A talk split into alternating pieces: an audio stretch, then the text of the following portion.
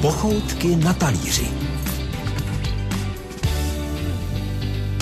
Tak jako jsou různí lidé rozličné chutě a příležitosti ke stolování, existují i nejrůznější restaurace. Ty, kde se vaří hotovky a jí na dřevěném odřeném stole, až po noblesní podniky, kde se servíruje na stříbře. Dnes jsme tedy v restauraci, která se blíží té druhé variantě. Vstoupili jsme do francouzské restaurace Art Nouveau v obecním domě v Praze. V kuchyni jsme si dali sraz s šéf-kuchařem, který vyrostl v Jižních Čechách, sbírá gastronomické ceny a vařil i v cizině, třeba v New Yorku, Hongkongu, Singapuru a Novém Dílí. Jeho hnacím motorem je vymýšlení nových kombinací surovin a technologií. Sám miluje ptáčka s rýží, tvarohové buchty, zkrátka českou klasiku, něco jako knedlozelo vepřo a nebo i králíka. Je svobodný a jmenuje se Jan Horký. Dobrý den. My vás taky zdravíme.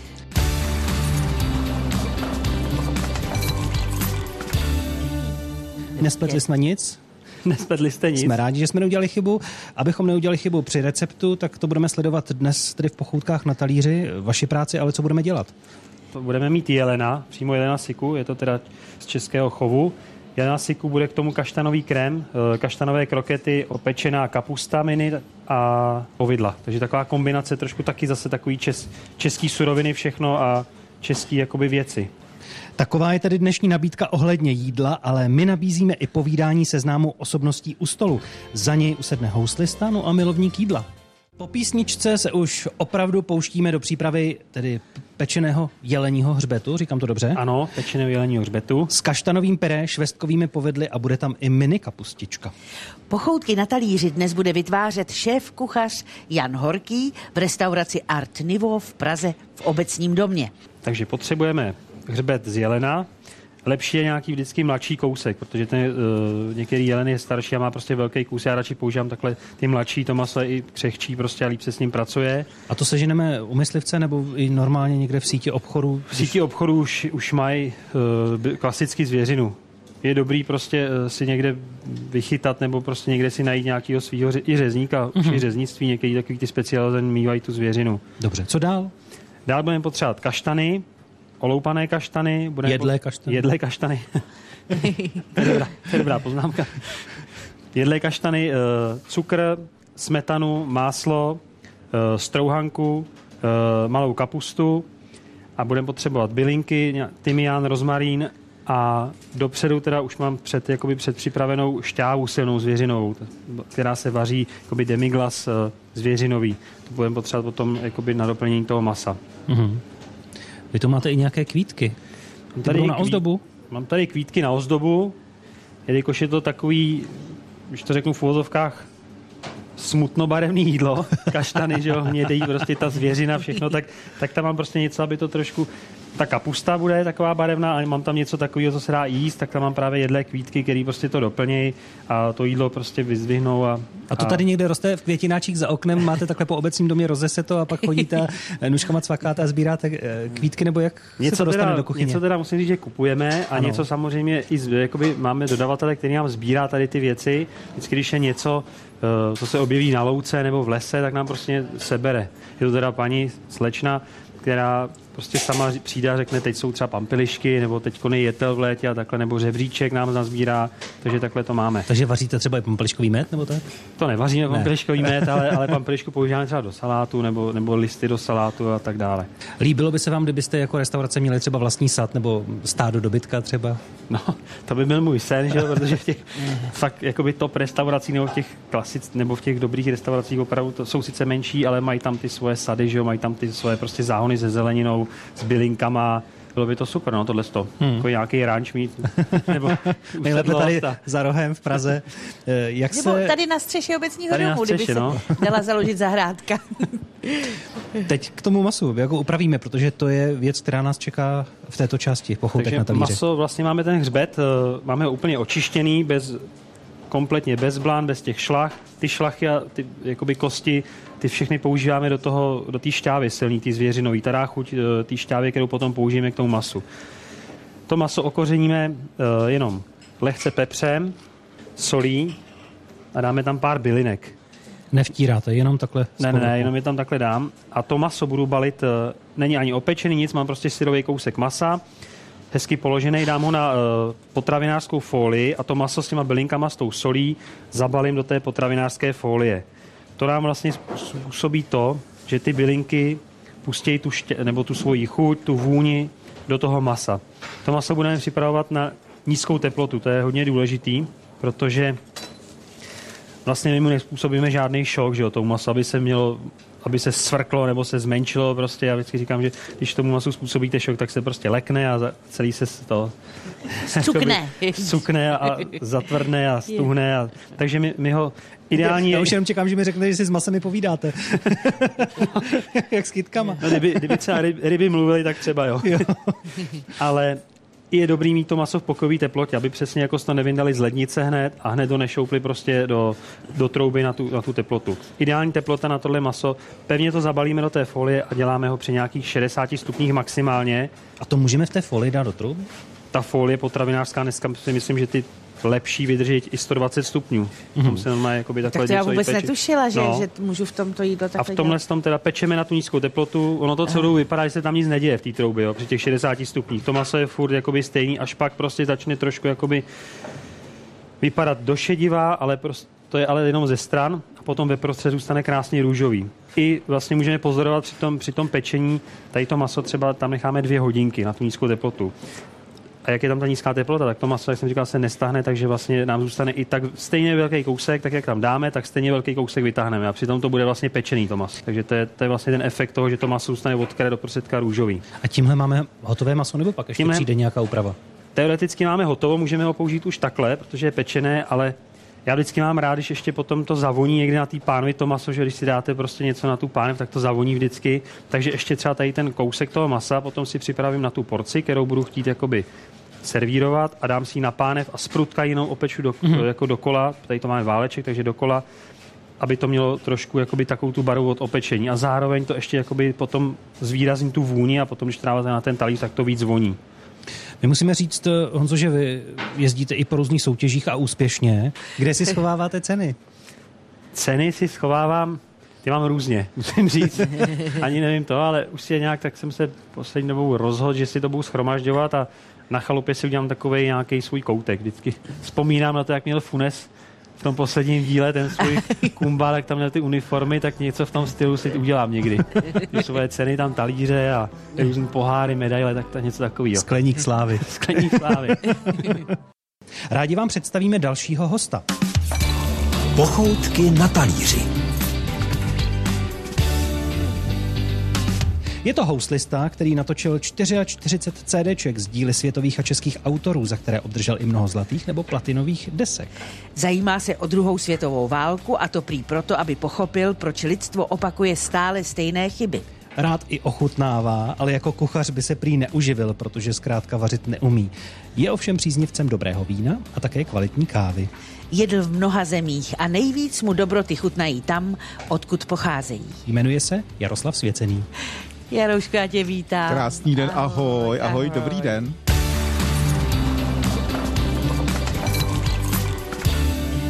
Když už jsme zmínili to, že jste koncertoval v mnoha zemích, předpokládám, že jste tam i jedl, ochutnával jako milovník jídla, tak eh, udělejme si takový krátký dotazník. Já budu jmenovat země, eh, o kterých vím, že jste byl a vy mi třeba přiřadíte nějakou dobrotu nebo zážitek gastronomický k tomu. Tak co třeba Spojené státy americké?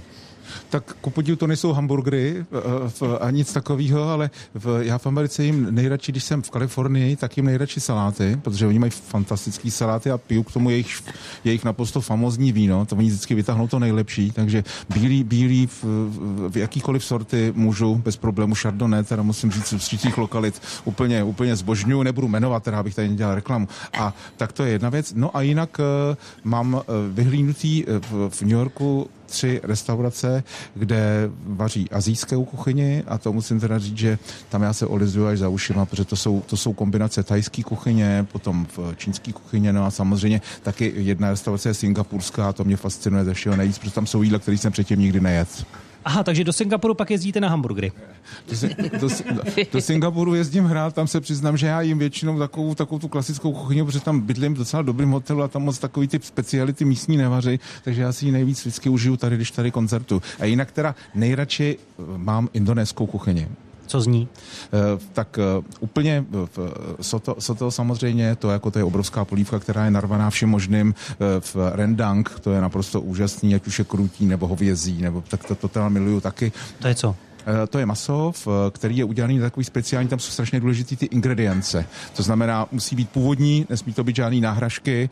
V, s, v, já, si k tomu, eh, já si k tomu samozřejmě dávám i ty jejich takový ty přísady, eh, kremíčky, pak mám, mám například rád uh, sušenou rybu, která se jmenuje trasy. Sama o sobě šíleně smrdí, teda musím říct. Ale když ji potom máte v té přísadě, tak je, to, tak je to, já tomu říkám pohádka mládí. Jo. To je něco, to je něco neuvěřitelného. Já mám indonéskou kuchyni rád proto, že ku podivu ze strany mé manželky. Eh, s tou Indonésií máme něco společného, protože eh, její dědeček se narodil v Jakartě jako eh, v syn obchodního zástupce firmy Baťa. Takže, takže tím pádem, tím pádem, tím pádem, já když jsem přijel do Jakarty hrát poprvé, tak tam bylo spoustu lidí, který ještě potomků, který si, protože oni, oni ho tam vzali za svého samozřejmě, no a v, ty se všichni ke mně hlásili a protože neuměl říkat Jaroslav, tak, tak na cedulkách, když jsem přišel na koncert, měli napsáno Jos. Takže, takže jsem se s nima se všema sešel. Takže, takže indonéská kuchyně má ještě trošku takový, takový jakoby malinko rodinný vliv, byť ze strany mé chotě nikoli jsme. Tak zkus hodit nějakou zemi schválně, jestli tam Jaroslav byl a něco jedl. Tak dobře, tak dobře, Argentína. Argentína, tam jsem byl minulý měsíc. Argentíně, Argentína a Chile. Eh, já jsem teda byl víc Chile, v Argentíně jsem hrál jenom Buenos Aires, tak Argentína to je jídlo, tam, tam samozřejmě stejky, že jo, maso.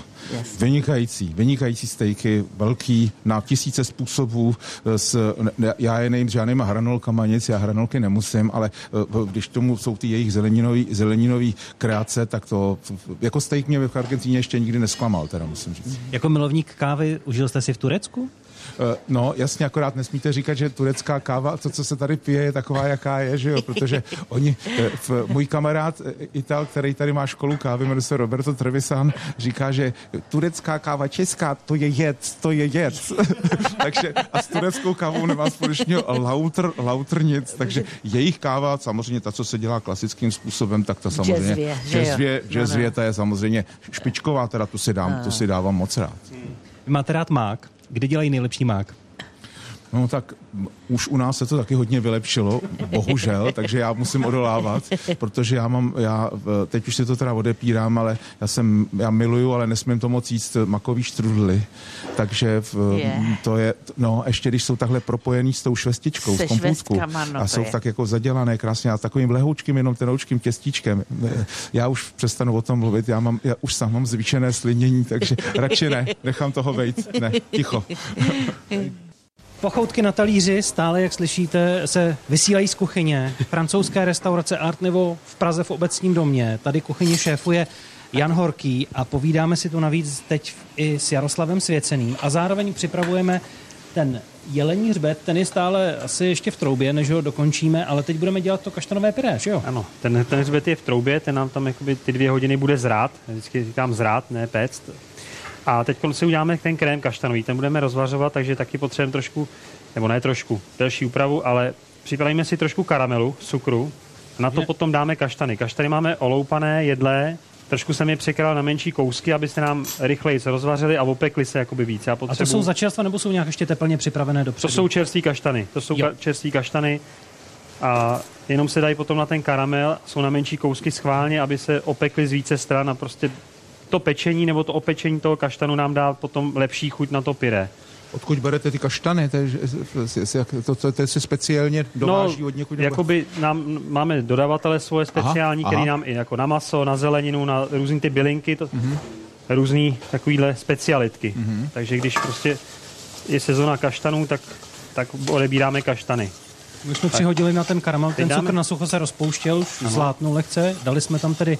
Musíme to opravdu hlídat, protože ten karamel by se lehce přepál a dá, ty kaštany jsem tam mm. opravdu dal, až mm. když ten karamel byl takový zlatavý, zlatohnědý. Jo.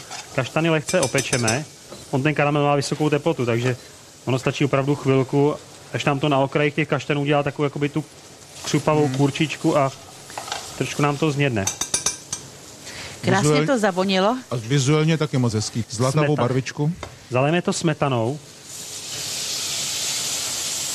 Vysokoprocentní. Kolik té smetany tam dáme? Kolik jsme tam dali vlastně těch kaštanů a kolik té smetany? Řekněme, že třeba 400 gramů těch kaštanů a smetanu, to je, tak, to je dobrá otázka, protože já ji tam budu dolejvat. Já postupně budu tu smetanu vyvařovat Aha, aha. a jakoby zesilovat to pyré. Jo. Tak já potřebuji ty kaštany hlavně rozvařit úplně jakoby na kašičku, kterou stejně ještě potom rozmixujeme, aby to bylo opravdu hladké, ale tu smetanu budu vyvařovat. Tady je trošku horší, u toho musím stát a furt to hlídat a míchat a odvařovat jakoby tu smetanu. To nám potom vlastně i zesílí tu chuť a ta smetana bude opravdu jakoby silná a chuťově výrazná. Jak dlouho trvá, než ty kaštany změknou? Půl hodiny? To ne, to ne. To ne. Pět, pět, deset minut. Vážně? Pět, deset minut jsou opravdu takhle hned jako měkký, takže, Jo. takže to je dobrý i.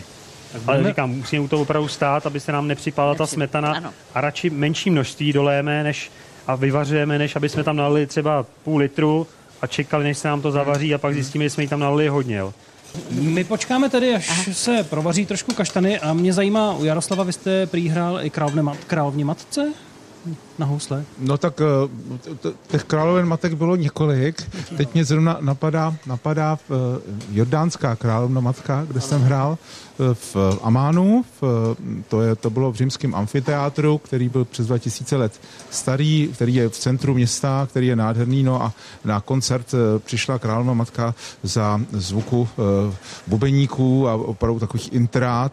Sedla si na místa, kde kdysi se dávali římští vládcové, které byly pokryt, ta místa byla pokrytá, ta sad, to, to, to kamenné bylo pokryté eh, v krásnými po- pokrývkami, které samozřejmě jsou v tom jordánském stylu a v královna, královna matka teda musím říct, že měla obrovskou, obrovský přehled o muzice, no a to je mm, matka dnešního, dnešního, eh, dnešního krále krále Jordánská. Byla to dáma, která, když jsem s ní hovořil, tak mě řekla, že má doma přes tři tisíce kompaktních disků s klasickou hudbou a že teda úplně ze všeho nejradši poslouchá opery. Měla i vaše CDčko. Měla, měla, mě to překvapilo a já jsem jí tu sbírku malinko rozmnožil, ne, protože už, už mi bylo řečeno, že to tak je, takže ona z toho dárku měla radost. A to teda byl velký zážitek, protože to, to, já mám rád, když ten panovník, a když to člověk z tohoto stavu najednou zjistíte, že to je člověk normální, fajn a ještě má obrovský znalosti a opravdu vás překvapí znalosti o kultuře, o evropské kultuře, o muzice, takže pro mě to byl teda pak zážitek se s touhle dámou setkat. A je poznat, když hrajete v tom amfiteátru a na housle, ta akustika, která tam byla dobře dělaná pro divadelní představení, funguje to i na housle? Eh, Akustika v, přírodním, eh, v přírodních prostorách funguje, obzvlášť, když jsou tam skály. Já bych možná zmínil ještě jedno místo v Jordánsku, a to je Petra. Do Petry se jezdí samozřejmě eh, také, také na, jaksi na podívání, ale já, my jsme hráli s mojí dcerou Julí před skalním chrámem Petře, kde se dělají koncerty. Tam, tam naproti je skála, je, mezi níž je ta průrva, kudy běžel slavný Indiana Jones při tom, při tom filmu, že jo, pochopitelně. No a v, za náma teda byl ten, ten skalní chrám a my jsme hráli a oni museli vypnout všechny eh, generátory, protože v tom v té Petře, v té staré Petře není proud, takže tam se ten proud dováží, tak aby ten, eh, ten generátor nerušil muziku, tak prostě rozsvítili tisíce amplionků, který se rozsvítili ro, a, a ozářili tu prostoru, takže to byl teda naprosto neuvěřitelný zážitek a ten zvuk se odrážel od, od toho skalního chrámu o tu protější skálu. A můžu vám říct, že to vypadalo, jak když v tom chrámu opravdu jste akorát nad váma bylo čistý nebe plný hvězd. Je to krásné. Nádhera, nádhera. Tak nám už to zhoustlo opravdu. Nám to zouslo, je to rozvařilo takové se to. trošku jako pudinkové. Je to pudinkové a i to jakoby voní do takového kakaova. Po- Tohle to je prostě kombinace, kterou mám hrozně rád, prostě to se strašně hodí k, tomu, k tomu jelenu, jakýkoliv zvěřině. Je tam trošku karamelu, že jo, tam bylo, teď jak se to vyvařilo s tou smetanou, takže teď to vezmeme a rozmixujeme úplně na kašičku. Přidáme takhle do toho mixéru trošku másla. To byl ořech. Ne, oříšek, ořech, máslo. No. Teď nastane ten správný zvuk a rozmixujeme teda. a už je tady.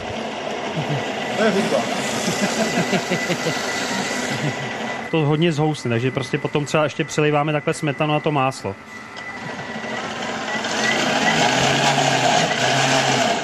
Naším hostem je Jaroslav Svěcený, který sleduje práci šéf kuchaře Jana Horkého ve francouzské restauraci Art Niveau v obecním domě v Praze. Děláme jelení hřbet, děláme kaštanové pyré, přijdou k tomu mini kapustičky, krokety, Je to docela ještě dost práce, tak doufám, že to stihneme. Stihneme to určitě, protože tam je vždycky nejdůležitější ta příprava, kterou jsme měli hotovou docela. A teď už vlastně jenom čekáme na to maso, že to se dopíká, pyré máme. A tady je důležitá věc, teda to pyré máme hotový a polovinu použijeme na ten talíř, jakoby tu přílohu a z druhé poloviny tu si oddělíme a vytvoříme si ty krokety. Do té druhé poloviny necháme si ji vychladnout a to pyré, jelikož, jak jsem říkal, ty kaštany opravdu potom hodně tuhnou zase naspátek na tu svoji konzistenci. Takže se nám z toho budou tvarovat úplně krásně. Krokety, cokoliv prostě, co Jako koho napadne. kokosové kuličky na cukroví. Koko, kokosové kuličky na cukrárně, ano.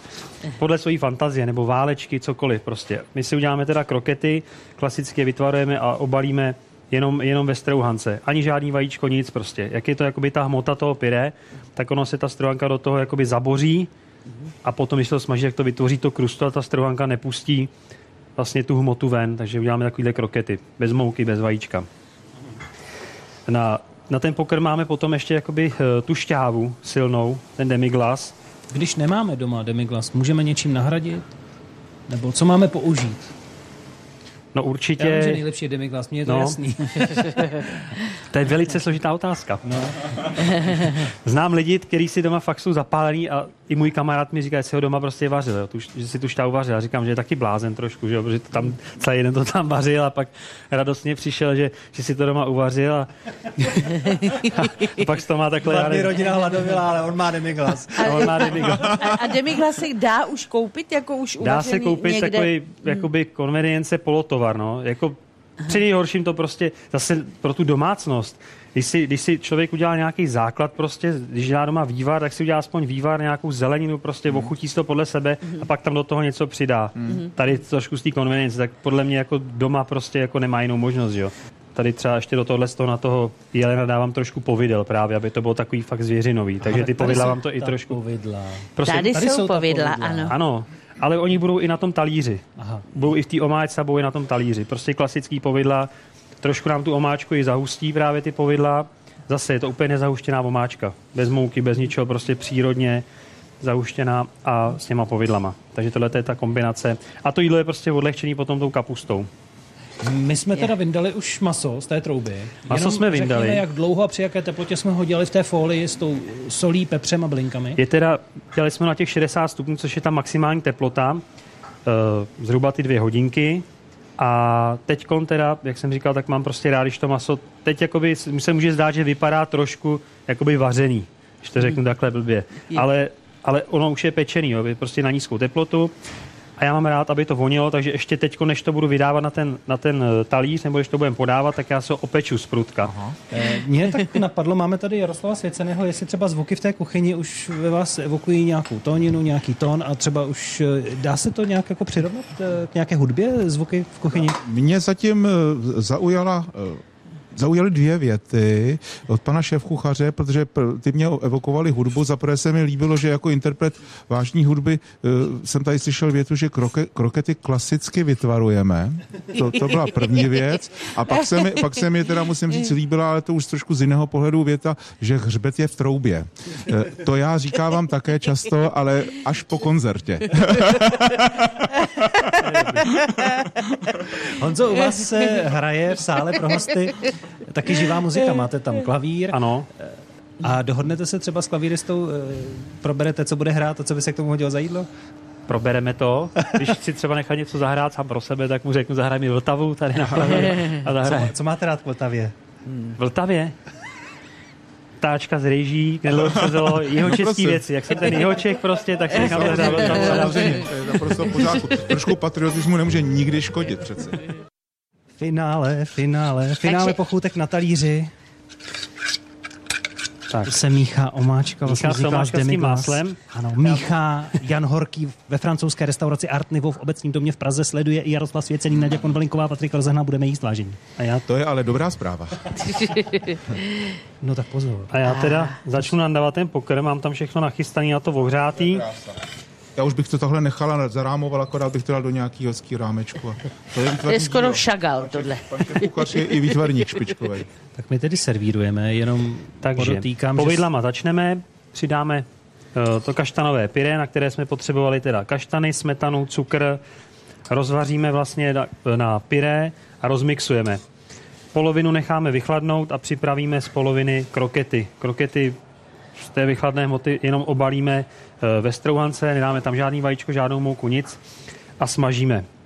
Maso, maso uh, připravíme uh, hřbeci připravíme tak, že ho jenom okořeníme pepří, pepřem, solí, bylinky, dáme do pečící folie nebo pečící folie do potravinářské folie, maso utáhneme a tím vlastně zabráníme tomu, že veškerý ty vůně, chutě z těch bylinek nám půjdou pryč z toho masa, ale půjdou nám do toho masa.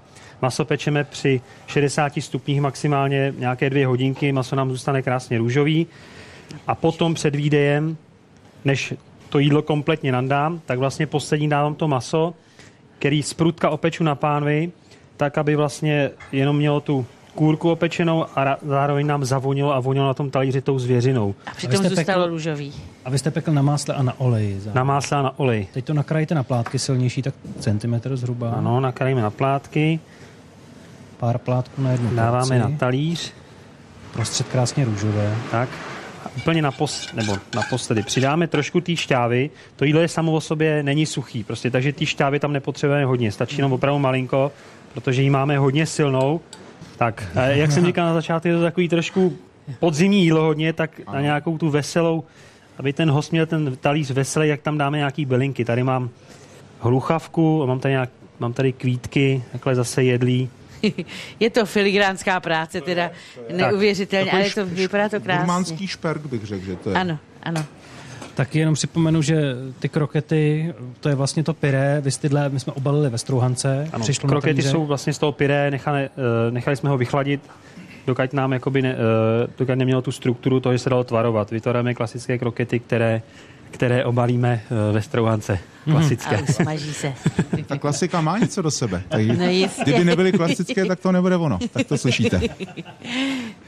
No a jde se jíst, bude se ochutnávat.